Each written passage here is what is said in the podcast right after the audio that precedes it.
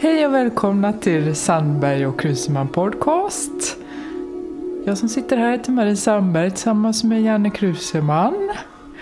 Och nu har vi ett nytt ämne här igen. Och det ämnet är...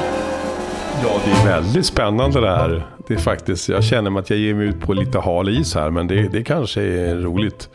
Och ämnet är? Ämnet är andlighet. Och vad lägger du i detta? I denna rubrik? Ja, nej men alltså, andlighet är ju det är så stort, tänker jag. Det första jag tänker, det är väldigt stort, men kan, man kanske kan sammanfatta det till att, att ha att göra med det man inte kan se med blotta ögat kanske. Och den typen av andlighet tror jag på. Jag tror mycket på andlighet och astrologi och så vidare. Eh, jag vet vid något tillfälle, det har inte alltid varit så kan, kan jag säga. Eh, och en del eh, säger att jag har sådana egenskaper också. Det får man bara tacka för och tycka är något fint. Men eh, jag har ett exempel på när jag inte riktigt var bevandrad i andlighet eller visste liksom inte riktigt, kanske inte trodde på det. Eller inte var, och det var under en av mina utbildningar i Norrland. Eh, inte radioutbildning utan en annan kulturpilot. Vi lärde oss att eh, skapa teater bland annat, arrangera teater. Eh, och läraren vi hade där, hon hette Sirku Heiskanen och fantastiskt fin människa för övrigt. Hon är död idag tyvärr, men jag hoppas att hon finns kvar där uppe i himlen och, och ägnar sig åt det här andliga. För det, du känner ja. att, har du kontakt med henne då på något sätt? Inte vad jag kunnat känna, eller inte vad jag, nej. Nej. Men, eh, men hon, är, hon var en jättefin människa och jag tror att hon lever kvar på något sätt. Eh, men, men det var så att när jag gick den här utbildningen då så kunde jag inte sova. Jag hade väldigt svårt för sömnen då. Eh, och så råkade jag nämna det för, för henne då. Och då, det, då sa hon att i helgen så kom, så kom hon hem till mig. Jag bodde där i en liten stuga som vi delade på fyra personer, så vi hade varsitt rum där som en liten fjällstuga kan man säga som vi bodde där då. Och då kom hon dit och hade med sig sin eh, väninna och sa jag kommer med en väninna. Och då skulle de då ha tillgång till det här rummet jag, jag bodde i, eller där jag hade mitt rum då. Eh, och de kom in på mitt rum och de hade med sig slagrutor. Och det visste jag inte riktigt vad det var då. Eller vad det var de höll på med, för jag tyckte att det såg väldigt lustigt ut. Jag var ju väldigt ung då. Eh, det var många år sedan det här. Men de gick runt där inne. Väldigt litet rum var det. Så det var bara, jag vet inte, men väldigt litet rum i alla fall. Det fanns plats för ett skrivbord och en säng i princip. Så de gick runt lite grann där i varje hörn och med de här slagrutorna då. Och eh, jag lät dem ju gå där inne liksom. Och, och sen, men efter det och det, vi pratade om att ju nästan hela terminen hade svårt att sova och varje natt liksom inte, inte fick någon sömn alls. Så efter att de hade varit där inne då eh, och Cirko pratade energier. Fyrkanter? Ja, fyrkanter. Hon pratade energier och, och så. så att, Sängen ska stå i rak fyrkant eller? Ja, no, något liknande. För att de flyttade på, på min säng. Och antagligen var det någonting efter det som gjorde att eh, för liksom allting, jag var, allting lugnade sig. Så jag tycker att det är... Och sen vet jag att jag pratade med Cirko lång tid efter detta för att det är så fascinerande för att hon bodde, jag tror att hennes man bor kvar i ett väldigt stort, stort hus, nästan som ett slott faktiskt. Som, jag kommer inte ihåg hon kallade det för något speciellt och jag vet att hon hade, hon hade seanser där också så folk kom till henne och hon kallade sig för lite av medium då. Jag gick aldrig till henne men att vi kom och samtalade om det här med andlighet då. Jag tycker det är väldigt spännande och nu tycker jag ju äldre jag blir tycker jag det är desto mer spännande också. Eh, ja, ett annat exempel är att jag har träffat ett medium vid ett tillfälle. Mm -hmm. Och då var jag också väldigt ung och jag var skeptisk också. Jag tänkte det, det, det var en bekant till mig som sa att eh, det kommer ett medium hem till mig den, det och det datumet. Och jag tänkte på dig, vill du komma? Jag vet inte varför hon tänkte på just mig, men hon gjorde det i alla fall. Och jag tänkte liksom, jag tänkte inte så mycket mer på det faktiskt. Men eh, jag gick dit i alla fall. Och, vi var fyra kvinnor kommer jag ihåg. Det fanns ingen man som var med och bara fyra kvinnor. Och sen kom, och vi småpratade lite grann och jag minns att jag pratade, och då hade inte det här mediumet kommit. Och hon vet ju ingenting om mig. Jag hade inte pratat med henne innan, hon visste ingenting om mig. Och inte om de andra heller mig veterligen. Liksom. Eh, då var det en kvinna där som berättade att eh, jag, har, jag är här för jag vill ha kontakt med min pappa. Och han eh, levde i en stuga själv och hon beskrev sin pappa lite grann för mig och så beskrev hon att pappa brukade på slutet sitta vid ett fönster. För han tyckte om att titta ut genom det här fönstret då. Och det, det fastnade hos mig. Jag tyckte det var så spännande när hon pratade om sin pappa då.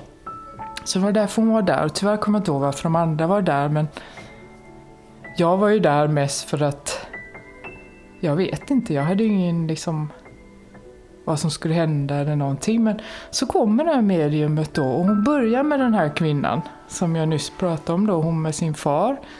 Och eh, det första hon börjar beskriva då det är en äldre man som sitter i en röd stuga vid ett fönster och tittar ut.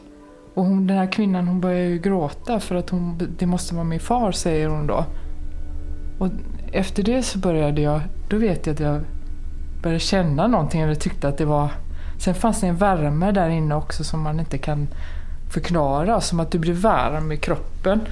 Så jag kom, jag, det var väldigt länge sedan det här nu, det var över 20 år sedan. Men de andra kvinnorna minns jag inte vad hon sa till, men så kom hon ju till mig då. Och då började hon beskriva en, en man som, som eh, var medelålders. Och ja, hon beskrev en man i detalj faktiskt. Och han hade ett speciellt sätt att vara på också och han brukade snusa mycket så att det började, det började, han brukade skoja mycket och det brukade rinna snusa. Eh, så hon beskrev det också och han, den här mannen eh, den här mannen lever inte längre för att han valde att avsluta sitt liv tyvärr. Eh, men hon sa att den här, och jag tänkte det måste ju vara måste ju vara den här mannen, Leif heter han som hon beskriver.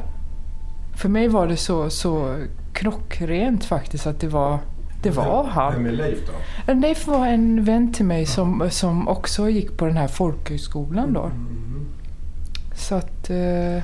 Det är ju jättespännande alltså, att höra. Sådär. Så jag är sådär lite, lite skeptisk alltså, mot det hela. För jag tycker att Ibland som du säger med snus, det kan vara väldigt exakt. Men ibland så kan det vara liksom, jag brukar skoja om så här, du kommer bli rik i slutet av månaden. Liksom, så. Ja, men då får man ju lön. Liksom, att man saker...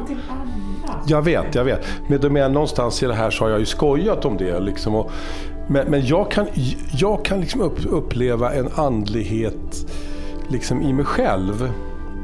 Och då kan jag tänka ibland så här att ja, men jag ska åka någonstans till exempel. Eller, och så plötsligt hittar jag inte bilnycklarna. Då kan jag tänka så här, nu är det mamma och pappa som har gömt bilnycklarna för att de vill att jag ska bli lite försenad. För att det kanske händer någon olycka på vägen eller, eller någonting sånt där. Så vill de att jag inte ska råka ut för den. Och då, alltså jag försöker hitta, då kan jag känna nästan. Så börjar jag tänka så här, var har ni gömt dem nu någonstans? Och då kan jag känna att jag har liksom lite kontakt med någon. Så där liksom.